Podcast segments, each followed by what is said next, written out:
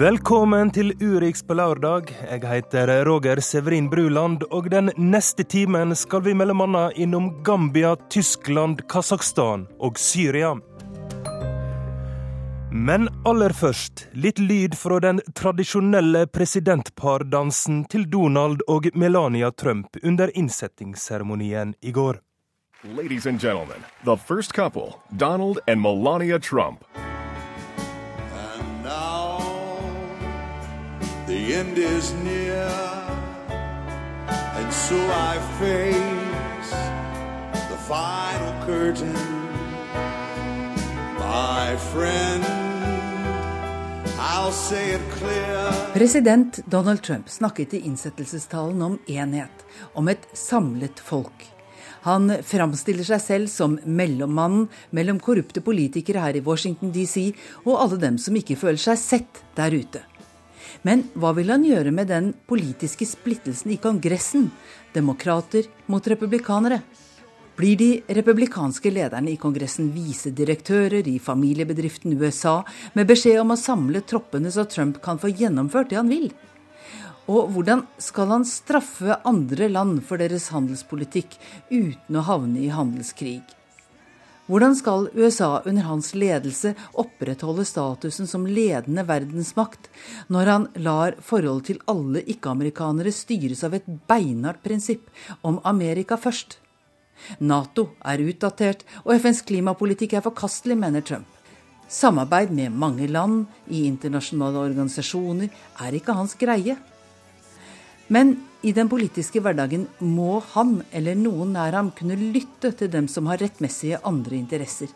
Også blant det folket han behandler som en eneste stor, formbar masse, uten andre interessemotsetninger enn de i forhold til en elite som han selv har definert seg ut av. Når det er sagt, det blir uansett spennende å følge president Trump. Kanskje vil han overraske igjen, akkurat som da han gikk seirende ut av dette valget.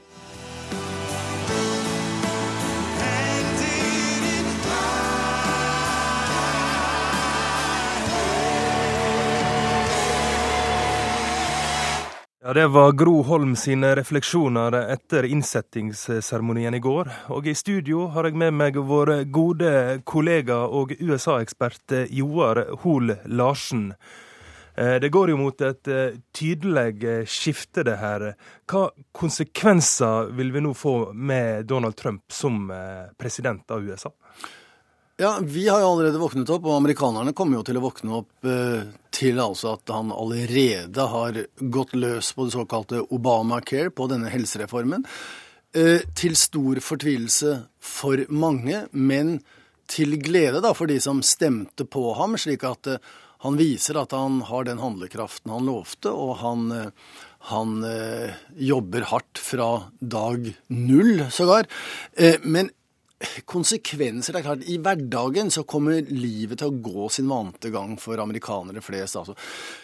De kommer til å fortsette å spise apple pie og kjøre bil til eh, bestemor på thanksgiving. altså De vil eh, spille en form for fotball hvor de holder ballen i hendene og gjøre mange ting som vi ikke forstår i utgangspunktet.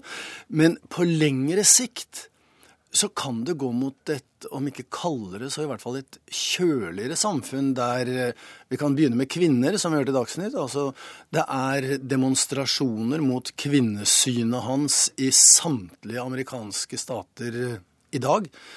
Eh, han nevnte ikke andre religioner blant amerikanere i det hele tatt i talen sin i går. Han touchet innom noen hudfarger, men at alle hadde rødt blod.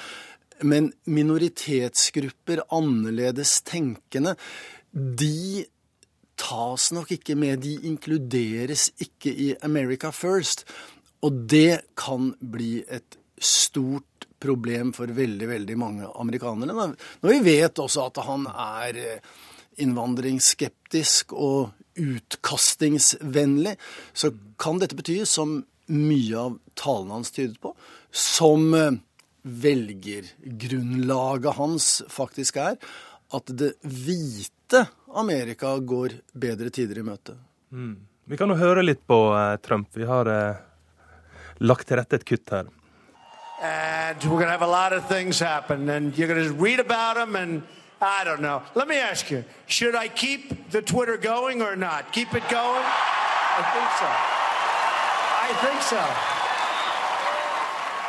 Eh, Donald Trump har jo fått mye åtgaum for denne tvitringa si, men eh, det kan jo få litt større konsekvenser nå når han blir president. Eh, Hvordan ser du på det? Dette var jo et ledende spørsmål. da. Han hadde vel ikke egentlig ventet noe annet. Og dessuten, han ville nok fortsatt eh, Han sier jo det at han er ikke spesielt begeistret for den twittingen. Han er nødt til å fortsette fordi media er ute etter ham. Media opptrer uredelig. Han spiller på en måte ballen over på motstanderens banehalvdel og mistenkeliggjør media. Eh, I enkelte grupper i USA så, det, så blir den slags beskyldninger mot eh, elitemedia og udefinerte uttrykk i den retning faller i god Midtvesten-jord. Fordi at eh, de føler jo seg sveket. Og det er klart, med denne tvitringen eh, Han kommer til orde. Han har vel, nå husker jeg ikke, er det 40 millioner eller 50 millioner følgere? Slik at han, han når ut med disse korte eh, og bastante meldingene sine, hvor man ikke behøver verken, og det er heller ikke plass til å analysere eller forklare. Det er et statement, og det er åpenbart godt nok for mange av hans velgere, slik at eh, det som er godt nok for hans velgere, er da godt nok for Trump. Det spørs jo da hvordan aksjemarkeder, eh, andre lands stats- og regjeringssjefer osv. Hvordan de oppfatter disse Twitter-meldingene. For det er klart, det er ikke rom for nyanser på 140 tegn. Du har jo eh, skrevet bok om amerikanske presidenter. Hvis jeg kan overrumple deg med et spørsmål. Er eh, Donald Trump helt unik, eller kan vi sammenligne han med en andre presidenter som har vært før han? Altså For det første så er han jo helt unik i, la oss si, i moderne tid, med unntak av, av eh, general Eisenhower, som kommer inn i dette embetet uten politisk erfaring. Men Eisenhower hadde tross alt vært øverstkommanderende for de allierte styrkene i Europa. Han hadde vært med i et politisk militært spill og visste nok mye mer om politikk enn Trump, og han var en folkehelt da han ble nominert. Eh, Slik at den rollen å komme inn fra forretningsverden Og jeg tror man kanskje undervurderer, eh, la oss kalle det bedriftskulturen i, i forretningsverden og i den politiske verden. Eh, man må spille med litt forskjellige kort. Det er forskjellige hodeplagg. Man tar på seg en annerledes hatt. Det er det han hittil ikke har gjort. Det har vært meget vellykket i, i kampen mot Washington-eliten. Det er ikke sikkert at det kommer til å være like vellykket i veien videre. Man sammenligner også med Reagan, men Reagan hadde tross alt eh, vært eh, guvernør i California. Han hadde vært fagforeningsleder i mange år. Han hadde prøvd å bli nominert, så han var med og spilte en politisk rolle. Så selv om Reagan også snakket med store ord, så visste man hvor man hadde Ronald Reagan. Og det er det som mange med rette mener er, eh, om ikke skummelt, så i hvert fall problematisk. Man aner ikke hvor han eh, er i morgen, på bakgrunn hva han har sagt og gjort i dag. Takk til deg, eh, Joar Hoel Larsen. Eh, Det er altså dag én for eh, Donald Trump som president, og vår korrespondent Tove Bjørgaas har vært ute i gatene i Washington DC og lodda stemninga. En lang dag er blitt til kveld, og jeg rusler mot bilen min som jeg forlot tre-fire kilometer unna i grålysningen. Men ved Franklin Square er det stopp. Can I cross here? Oh, okay. Where do I have to go? To go up? 12th Street and then go up to Mass. Politiet har sperret av flere kvartaler. En liten gruppe sinte demonstranter holder fortsatt stand inne i parken. Noen snekkere setter opp sponplater i alle de knuste vinduene på Starbucks.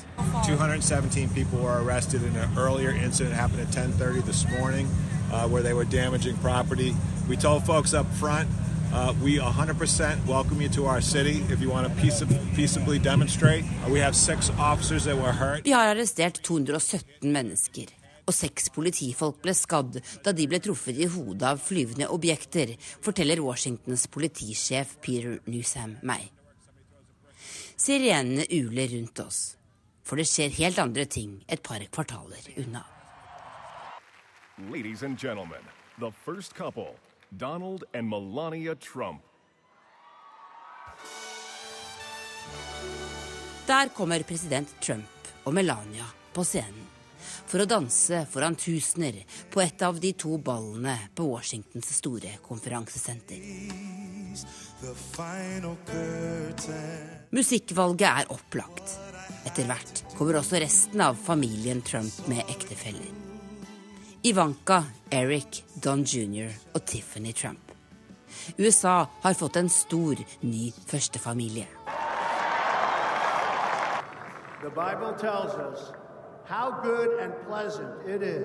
De var der alle sammen tidligere på dagen da patriarken leverte setningene som fikk folkehavet på The National Mall til å juble aller mest.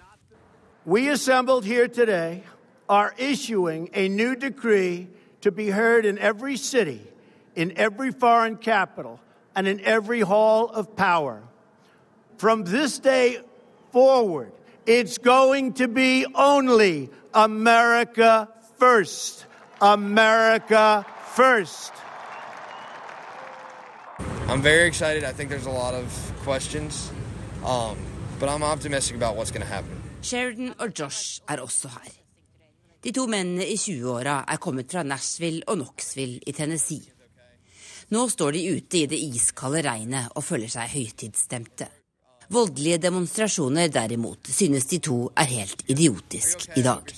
Protesting is fine, and everything. Everyone should be able to voice their opinion. There's there's broken windows, there's fires, and as like everyone else has a right to freedom of speech, but when you start like blocking off roadways and breaking things, then you become a riot anymore. You're not even like really approaching a peaceful protest. Violence is just ridiculous. Det er mange timer senere, og jeg har funnet igjen bilen min. Jeg kjører vekk fra politisperringer og innsettelsesball. Men det er visst ikke helt over ennå. For noen kvartaler fra der jeg bor, ligger pizzarestauranten Comet, som en falsk nyhetsartikkel i valgkampen hevdet var åstedet for en pedofiliring Hillary Clinton og kampanjesjefen hennes var involvert i. Eieren er en homofil, aktiv demokrat. Og nå står det mange demonstranter utenfor.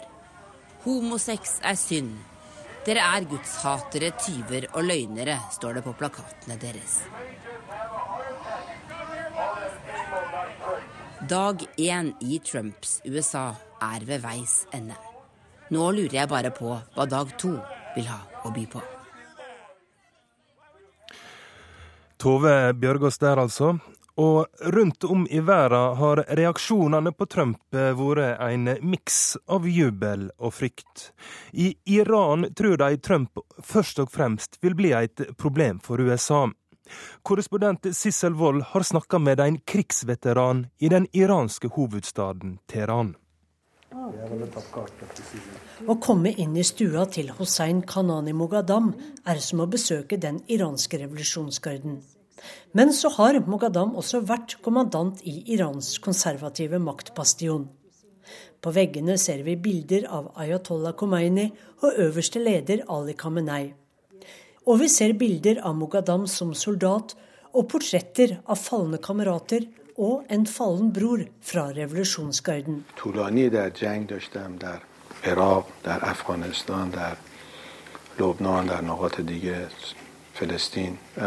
Jeg har deltatt i kriger i Irak og i Syria, Palestina og Afghanistan, sier han uten å nevne detaljer, annet enn at han var sentral i den åtte år lange krigen mellom Iran og Irak.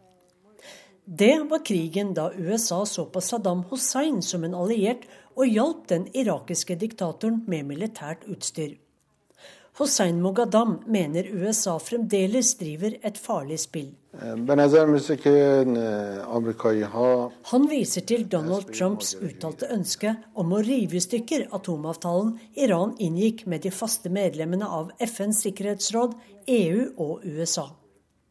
Mot at iranerne forsikrer verden om at de ikke utvikler atomvåpen, skal landet komme ut av isolasjonen og igjen bli en del av internasjonal handel. Men det amerikanske senatet fornyet nettopp sine sanksjoner mot Iran i ti år til, rett før jul. Våre ledere mener dette er et brudd fra USAs side, og et brudd på avtalen vi signerte i 2015, sier han. Hossein Moghadam er leder og grunnlegger av Det grønne partiet i Iran, et parti som ikke må forveksles med det som kjemper for miljøvern og rettigheter for lesbiske og homofile. Eller den grønne bevegelsen som sprang ut etter de enorme demonstrasjonene mot president Ahmadinejads omdiskuterte valgseier i 2009. Mogadams parti, forteller han, er et sted midt mellom hardlinerne og de moderate. Den iranske politikeren er skeptisk til USAs motiver. Han stoler ikke på administrasjonene i Washington DC.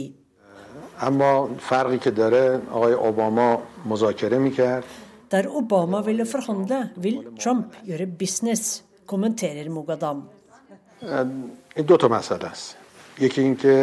Men om Donald Trump river i stykker atomavtalen med oss, slik han har sagt, setter vi fyr på den. Og dette blir Trumps problem, ikke vårt, advarer politikeren.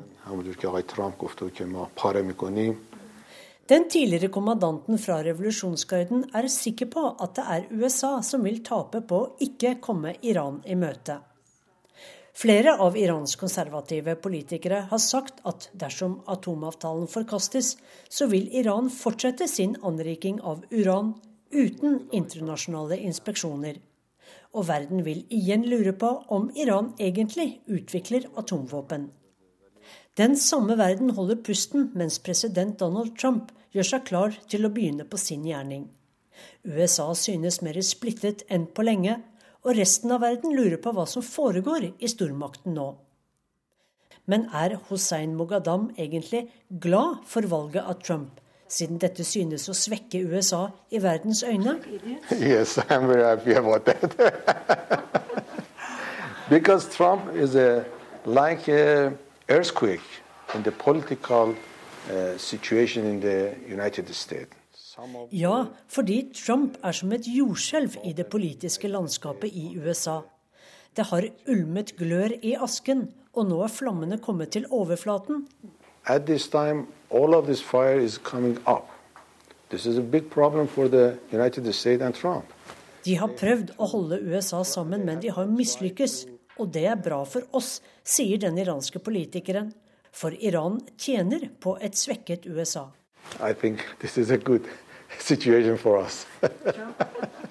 President Donald Trumps håndtering av atomavtalen de neste månedene kan være avgjørende for det iranske folket, som er utålmodig etter å komme ut av isolasjonen.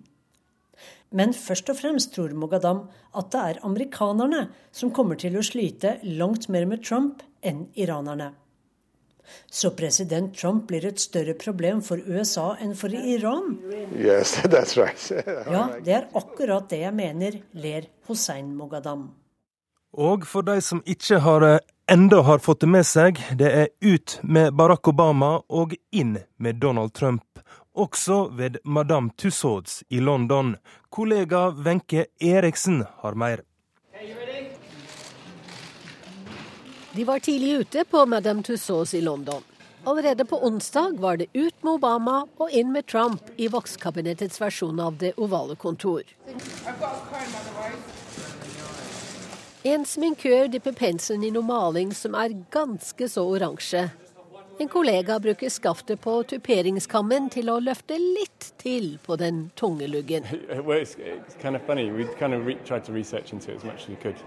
I kind of believe it's almost like a bob, and then because it's quite long on top, and then he kind of swoops it over. But yeah, hopefully we've captured it. Håret var visst det vanskeligste, ifølge hovedskulptør David Gardner. Men de tror de har fått det til etter mye research. Hentesveisen som ikke lenger er så gul som den en gang var. Hårmanken på voksutgaven av Donald Trump består av ekte menneskehår og jakk-oksehår.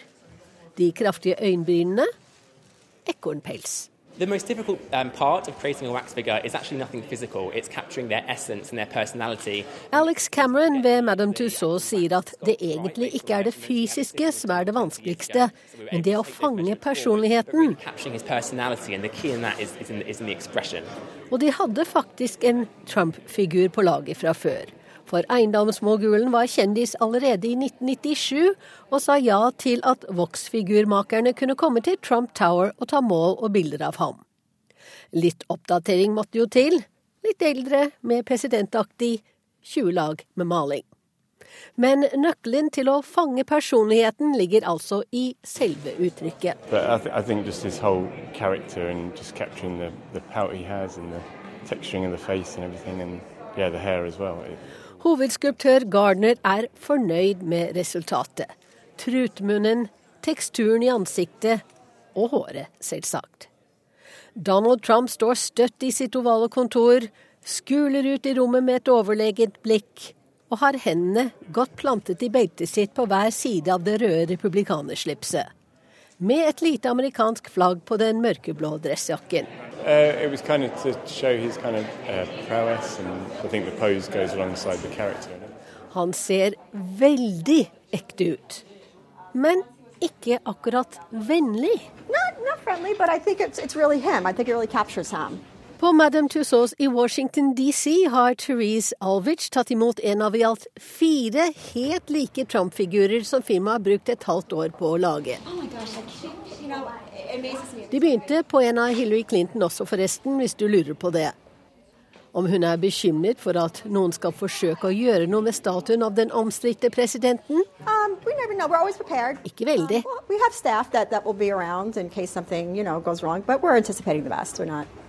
Too concerned.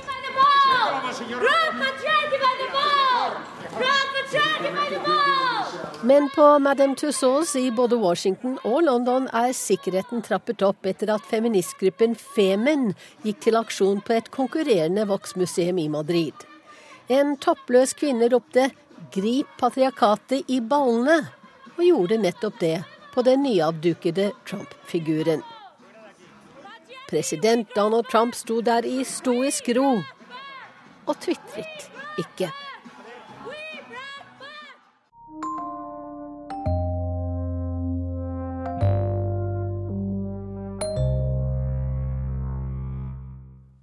Fra et stort land i Amerika skal vi til et eh, veldig lite land i Afrika.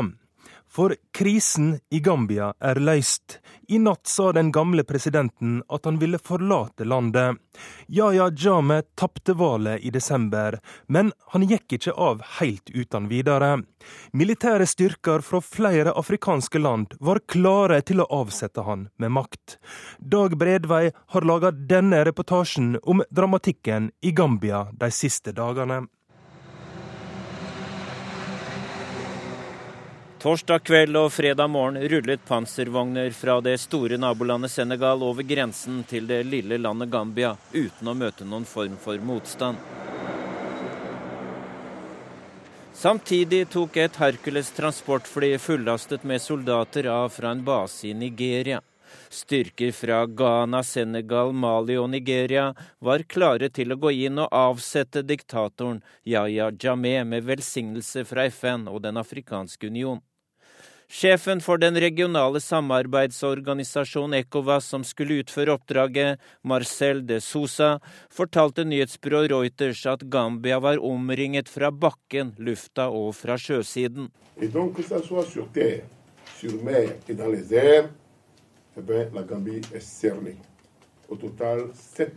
Med 7000 mann klare til å ta ham, tok endelig diktatoren i Gambia til fornuft. I dag morges ga presset resultater. Yahya Jameh sa til innbyggerne at han går av. As a Muslim and a, and a patriot, I believe it is not necessary that a single drop of blood be shed. Jeg ønsker ingen blodsutgytelse, sa den brutale diktatoren med den lyse stemmen i en TV-tale i dag morges. Han la vekt på at det var for å unngå at landsmenn skulle bli drept eller såret at han kastet kortene. I have decided today, conscience, to the mantle of leadership of this great nation with infinite gratitude Jeg har bestemt meg for å gi fra meg lederskapet av landet vårt, fortsatte Jameh, som takket for støtte gjennom 22 år. Han nevnte ikke at velgerne vendte ham ryggen i valget for halvannen måned siden. Han nevnte heller ikke navnet på valgvinneren, Adama Barrow. Of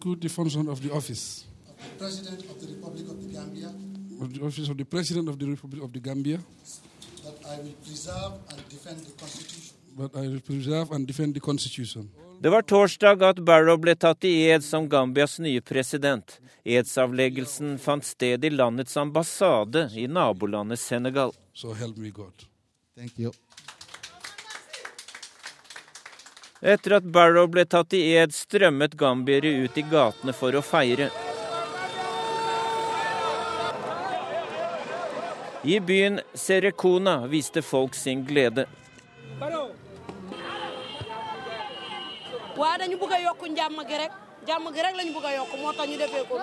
Jeg er veldig glad vi trenger fred, sier en ung kvinne til nyhetsbyrået Associated Press. Men mange kunne ikke feire fullt ut av frykt for represalier fra Jamehs sikkerhetspoliti. Okay. I am sure the dictator that I know in Yahya Jammeh wouldn't come down easily. So we definitely wouldn't want bloodshed. But uh, no time to waste. We've, we've been tortured too long mentally. Vi kjenner diktatoren så godt at vi vet at han ikke gir seg uten kamp. Det sier den unge mann Famara Saidikan.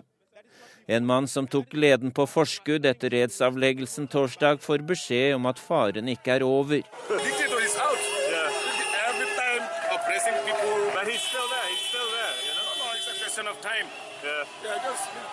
Diktatoren er borte. Han er der fortsatt, sier en annen. Ja, men vi skal snart få ham vekk, sier den unge mann Lamin Jau.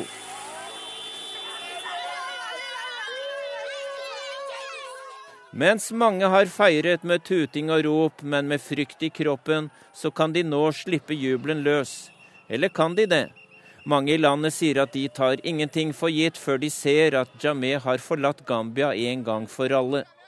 Fra sitt eksil i Dakar i nabolandet Senegal sier Adama Barrow at tiden da Gambias ledere regjerte med frykt som våpen, nå er over.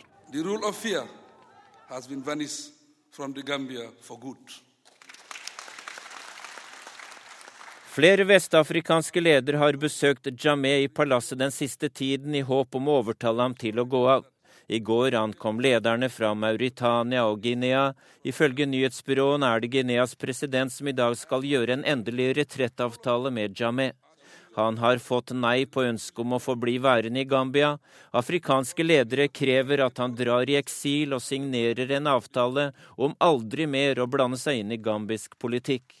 Nå venter nasjonen på Adama Barrow. Fra nabolandet ønsker han sine landsmenn velkommen til det nye Gambia. I wish to congratulate all of you and welcome you to the new Gambia.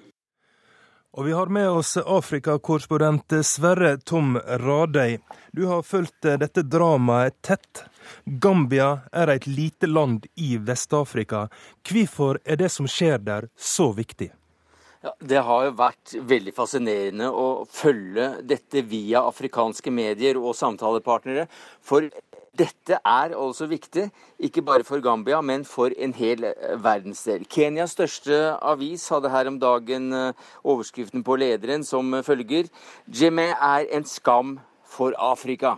Så her er det et helt kontinent selvfølelse som berøres. Hver seier for, for demokratiet tas som en seier for kontinentet. Og James eh, han var også da også den siste presidenten i Vest-Afrika som kom til makten ved et kupp. Så nå er det bare presidenter som er valgt av folket der, på en eller annen måte ofte litt rufsete demokratisk vis. Her har jo 7000 eh, soldater stilt opp fra eh, nabolandene for å forsvare demokratiet i Gambia. Hvordan eh, vurderer du viktigheten av det? Altså 7000 soldater fra seks land. Det er fly og det er marinefartøyer fra Nigeria klare til å avsette presidenten fordi presidenten ikke vil gå av på demokratisk vis etter å ha tapt et valg. Det er et eh, sterkt signal til andre eh, afrikanske ledere, som bare blir sittende og sittende og sittende. Det er vi dessverre eh, ganske vant til på dette kontinentet. F.eks. presidenten i Burundi, Kongo, og en rekke andre afrikanske land, de følger nok ekstra godt med i det som har skjedd i Gambia. Nei, dette er godt nytt så langt for alle demokratiske krefter på et helt kontinent. Kan vi kalle det et vendepunkt? Ja, Det er for tidlig å si, men eh, slike signaler, slike positive signaler, det er man ikke altfor vant til her sånn. Eh, man er vant til eh, mange til, eh, tilbakeskritt. Så når sånne ting skjer, ja, så, så er det eh, Det er ikke jubel i gatene i Kenya, men for, dette snakker folk om. Takk til deg, eh, Afrikakorrespondent Sverre Tom Radøy.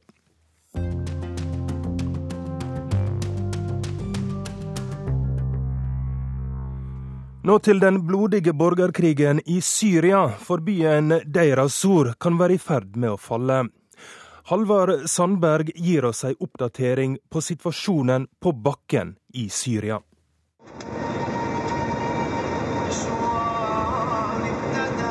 Videoen fra den syriske landeveien avslører ingenting av det som skal skje her. I oktober 2010 er det fredelig. En flokk med kameler beveger seg sakte over det brunsvidde landskapet. Brunt gress avløst av gråbrun ørken. Først når veien når frem til elven Eufrat og til selve byen Deir Azur, er det mulig å forstå noe.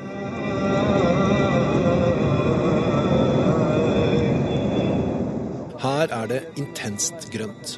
Og mange mennesker. Den sjette største byen i Syria før borgerkrigen.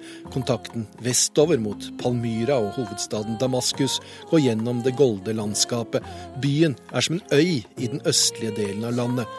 Bortsett fra det som alltid har vært livslinjen elven.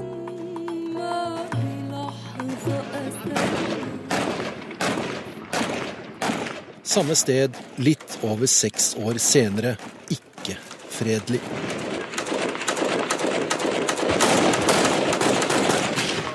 Den syriske hæren og regimetro milits blir slått bakover av jihadistene fra den islamske staten IS. Assads folk har mistet mye grunn den siste uken. Nå er det lille området de kontrollerer, delt i to, som et speilbilde av det som skjedde sent i fjor, da den like langvarige konflikten i Aleppo gikk mot slutten.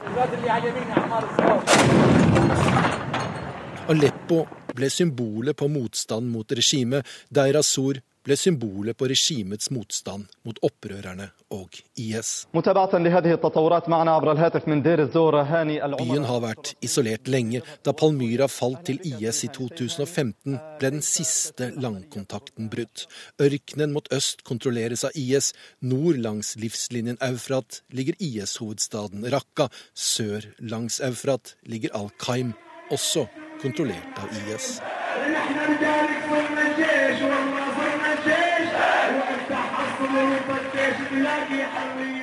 Da opprøret i landet begynte i 2011, ble det nesten øyeblikkelig også uro i Deirasur. Voldsspiralen startet, og Assad greide ikke å stå imot den frie syriske hæren. En opprørsstyrke som ble sterkere og sterkere etter hvert som støtten fra utlandet økte, og stadig flere soldater fra regimet deserterte.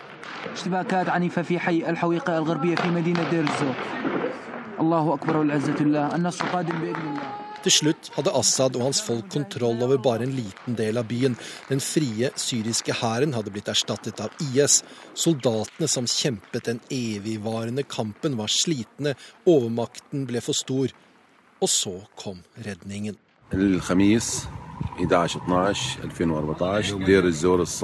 Generalen Issam Saredin sier at det nå er torsdag 11.12.2014 at de fortsatt yter motstand i Deir Azur. Vi er republikanergarden.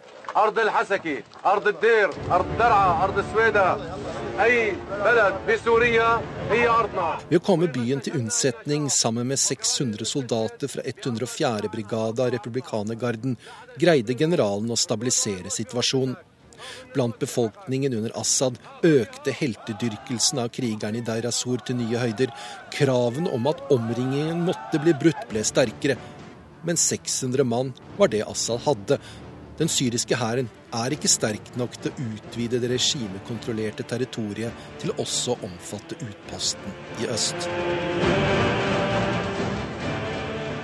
Kampen i Deir Azur er blitt symboltung. Det er en av grunnene til at byen spilte en rolle da den møysommelige fremforhandlede våpenhvilen i landet falt sammen i september i fjor.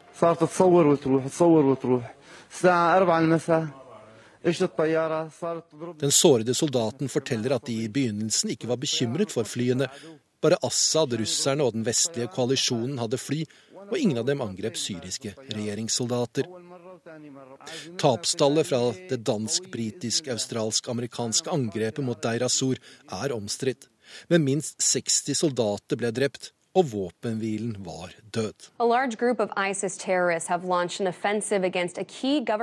I etterkant av angrepet krøp IS nærmere byen, og nå kan hele byen falle. Det betyr at den lange lidelseshistorien til sivilbefolkningen i byen kan få et nytt og enda blodigere kapittel. Og vi har med oss eh, Moskva-korrespondent Morten Jentoft fra Kasakhstan. Det sentralasiatiske landet har blitt arena for de nye Syria-forhandlingene. Og Morten, det skaper jo litt oppsikt at forhandlingene skjer i Kasakhstan, og ikke i mer eh, tradisjonelle forhandlingsbyer som Genéve. Det her må du forklare. Tilfeldig. Det er nok eh, Russland som ønsket å legge forhandlingene hit. Samtidig så vet vi at Kasakhstan har gode bånd til eh, Tyrkia. Man snakker jo et tyrkisk språk her i Kasakhstan. Eh, Kasakhstan er også nå medlem av FNs sikkerhetsråd. Landets president Nazarbayev ønsker å spille en aktiv rolle i internasjonal politikk. De ønsker å vise fram denne nye hovedstaden sin Astana også.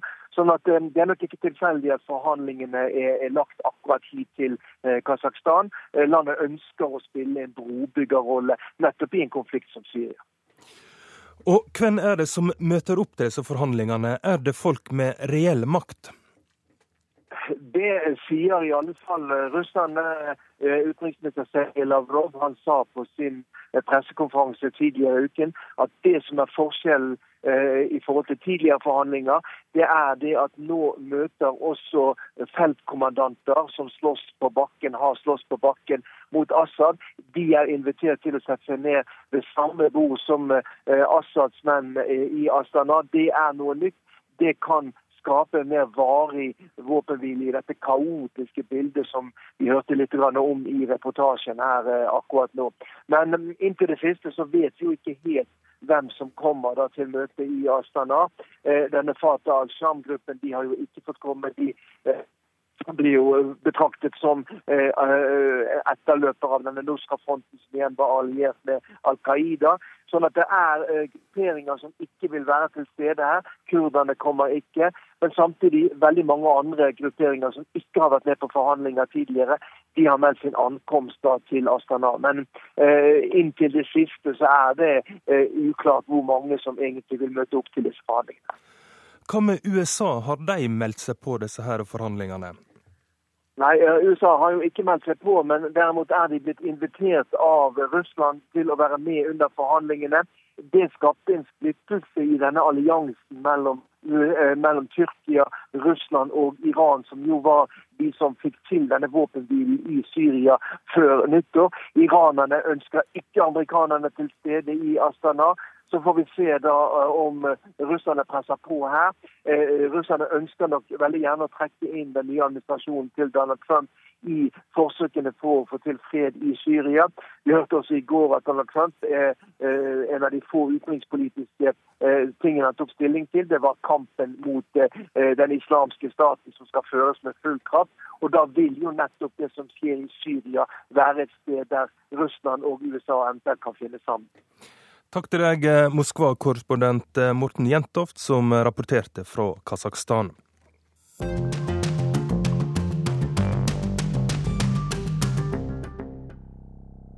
Nå skal vi til Tyskland, for i den tyske byen Koblenz eh, møttes et knippe partier som representerer de innvandringskritiske ytre høyre-partiene i Europa. Og korrespondent Guri Nordstrøm, du er på denne kongressen. Eh, først kan du fortelle litt om hvem det er som eh, møtes der i dag?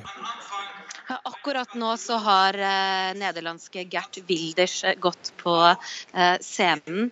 Eh, han ble da møtt med mye jubel, plakater fra de rundt 1000 delegatene som har kommet fra hele Tyskland, for å se både han, for å se eh, Marine Le Pen fra Frankrike, og også da Frauke Petri fra Alternativet for Tyskland, som er de som er vertskap for eh, denne ytre høyre-konferansen her i Koblenz. Jeg må jo bare spørre, jeg regner jo med at disse partiene her har fått med seg at Trump nå er president i USA? Ja, og dette har blitt hyllet i eh, talene så langt, og også blant eh, de fremmøtte som vi fikk snakket med før dette startet. De sier at eh, Det som er gjennomgående her, er at de sier at den største seieren vår fikk vi i går, da Trump ble innsatt som president, og vi håper også at Europa nå kan slå inn på den retningen som han har staket ut. Og Derfor har jo nettopp disse ytre høyre-partiene nå slått seg sammen for å vinne selvtillit Eh, sammen og forsøke å føre Europa nettopp i den eh, retningen. Ja, hvorfor møtes de på denne måten til en eh, sånn kongress i Tyskland?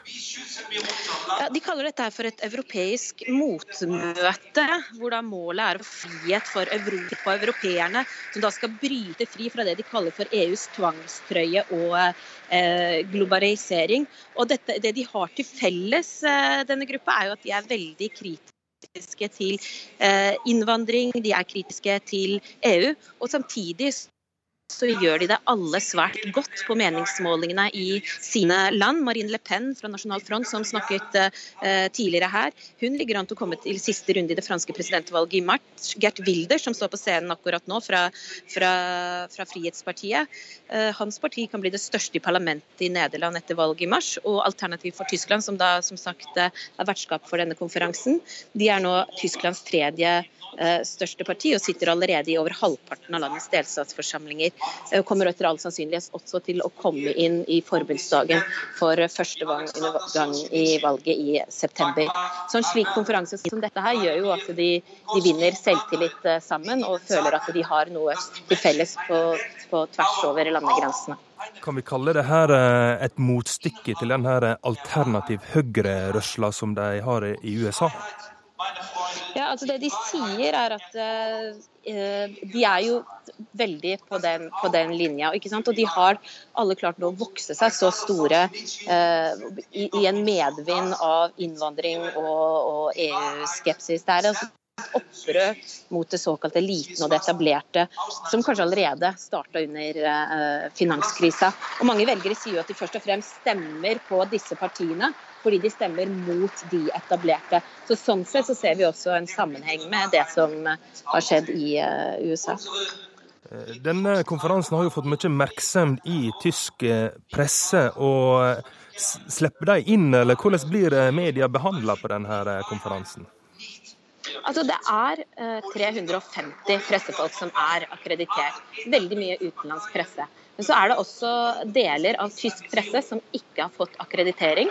Jeg snakket bl.a. med en kollega fra eh, tyske ARD, som er da eh, motstykket til NRK her i Tyskland. Han fortalte at de har ikke fått eh, akkreditering fordi AFD liker ikke rapportene deres. Og det var også ganske betegnende at Markus Pretzel fra AFD, som, start, som, hadde første tale her, han startet sin tale med å gjøre narr av de, de journalistene som ikke har sluppet inn, og sagt at de er så glad i AFD og derfor slipper de ikke inn som da var et tydelig ironisk grunn til at disse journalistene ikke slipper inn, er fordi AFD ikke liker rapportene deres. Og Det er jo et paradoks at et parti som venter seg å bli eh, demokratisk valgt inn i forbundsdagen, tolker demokratiet på en slik måte at de stenger ute de journalistene de ikke liker. Og Vi har også sett det når vi har forsøkt å jobbe her i dag, at vi har fått streng beskjed fra sikkerhetsfolkene her om at vi får ikke lov til å snakke med med tilhørerne som har eh, kommet hit. Da kan vi bli kastet ut. Og også for å få akkreditering så var vi nødt til å krysse av på at vi, vi, vi, kan bli kastet ut når som helst eh, uten grunn. Og dette er jo noe vi ikke har sett i Europa i nyere tid, eh, at, at pressen blir behandlet på denne måten. Takk for den rapporten, Guri Nordstrøm, som er vår Berlin-korrespondent.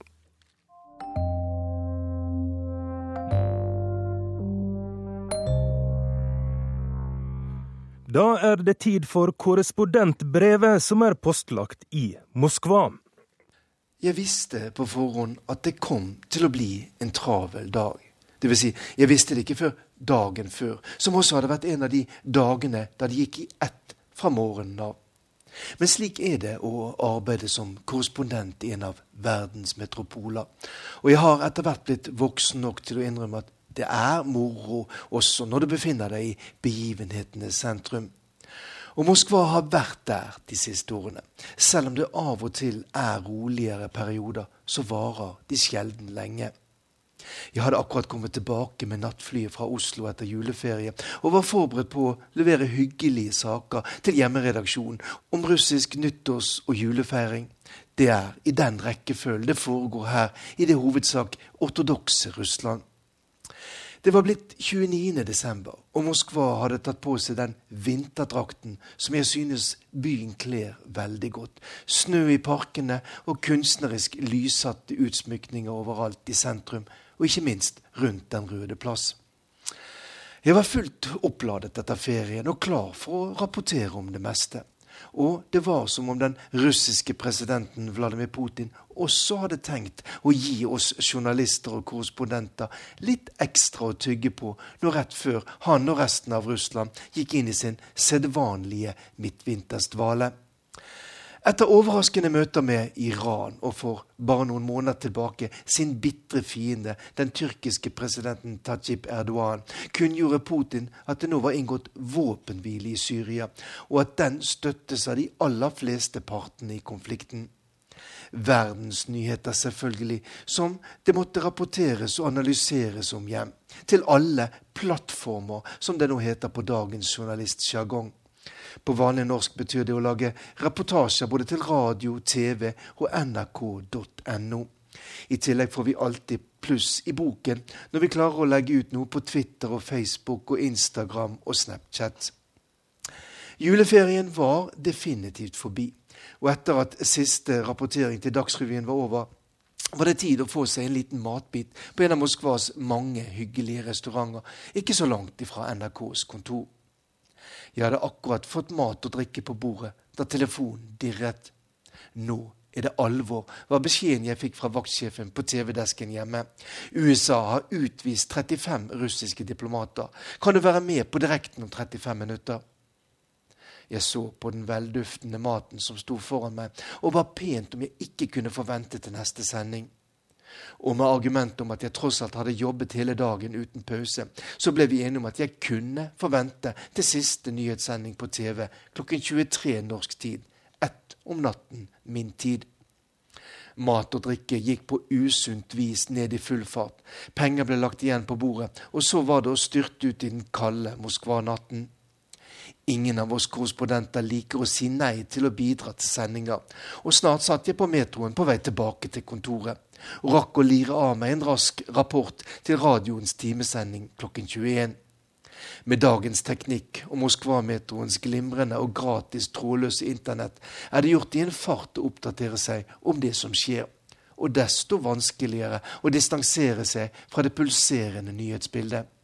Det som skulle bli en avslappende kveld med god mat, en øl og noen aviser, ble nok en lang dags ferd mot natt og siste sending og jeg visste allerede da hva som ventet meg neste dag. Du må være med både på radio og TV fra morgenen av for å fortelle hva de russiske reaksjonene på de amerikanske utvisningene kommer til å bli, hva de klare beskjedene jeg hadde fått hjemmefra før jeg kom meg i seng litt over klokken to om natten. Ja da, slik er det, og det er, som jeg tidligere sa, moro når det svinger. Og denne årets nest siste dag måtte jo bare bli morsom. Før jeg gikk og la meg, var russiske politikere, og ikke minst den alltid like slagferdige pressetalskvinnen i det russiske utenriksdepartementet, Maria Sakharova, ute på sosiale medier og sa at det russiske svaret ville bli, som det het, adekvat og komme litt utpå dagen fredag, som altså var 30. desember.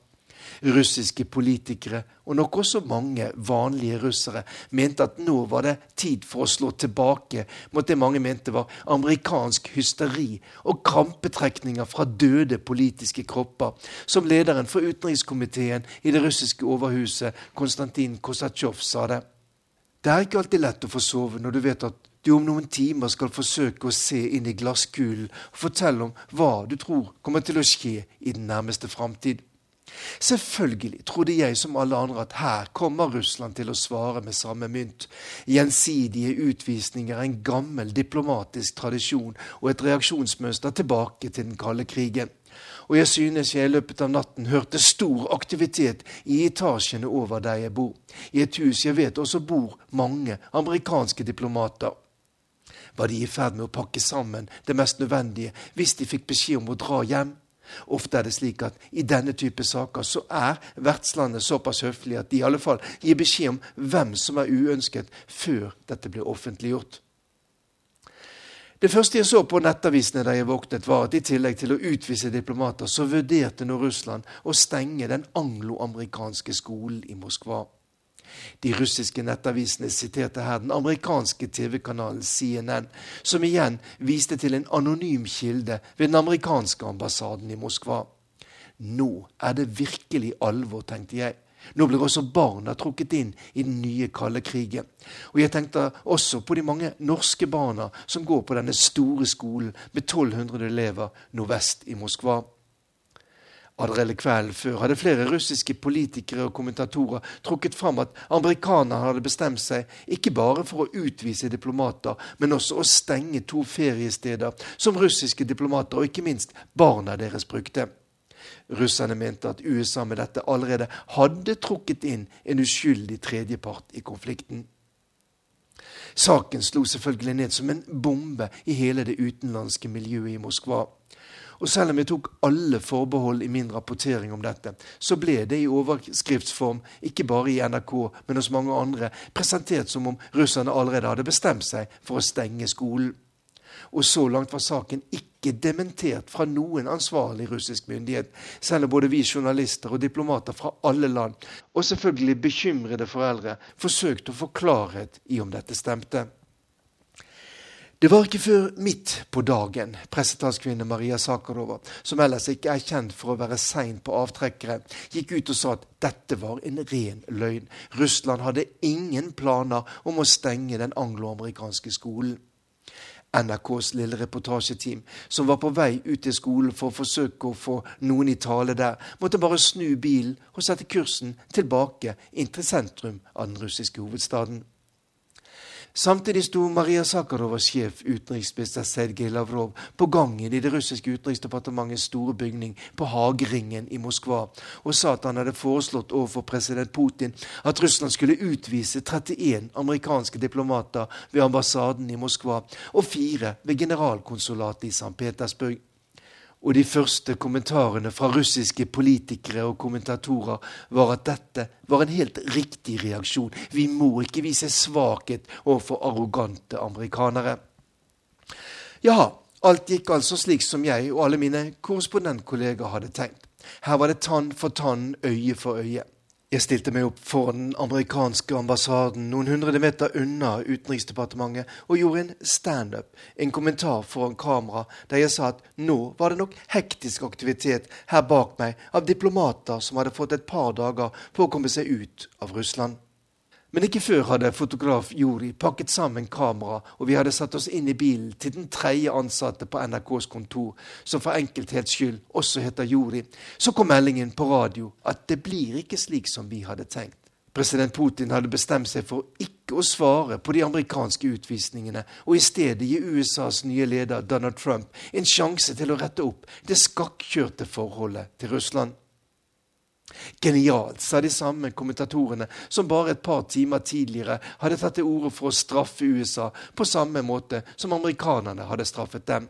Vi hever oss over deres nivå. Her kan verden se hvor konstruktive vi russere er. Selv måtte jeg bare stille meg opp foran kamera igjen for å si at det ikke ble slik som jeg hadde tenkt og utenriksminister Lavrov hadde foreslått for bare en time siden. Eller hva visste egentlig Lavrov om hva hans sjef Putin hadde tenkt å gjøre? Var det hele, med ryktene om stengingen av den amerikanske skolen og Russlands svar om utvisninger diplomat for diplomat, et avtalt spill?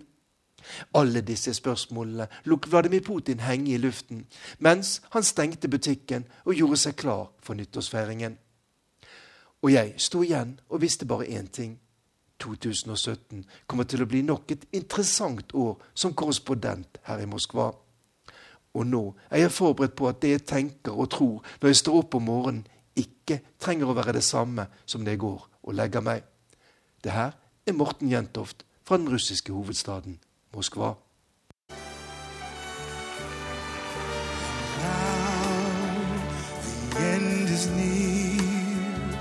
so I face the final curtain. Og de som gjorde det vår vei i Urix på lørdag, var tekniker Eli Kyrkjebø, produsent Ingvild Ryssdal, tilrettelegger Halvard Sandberg og programleder Roger Severin Bruland.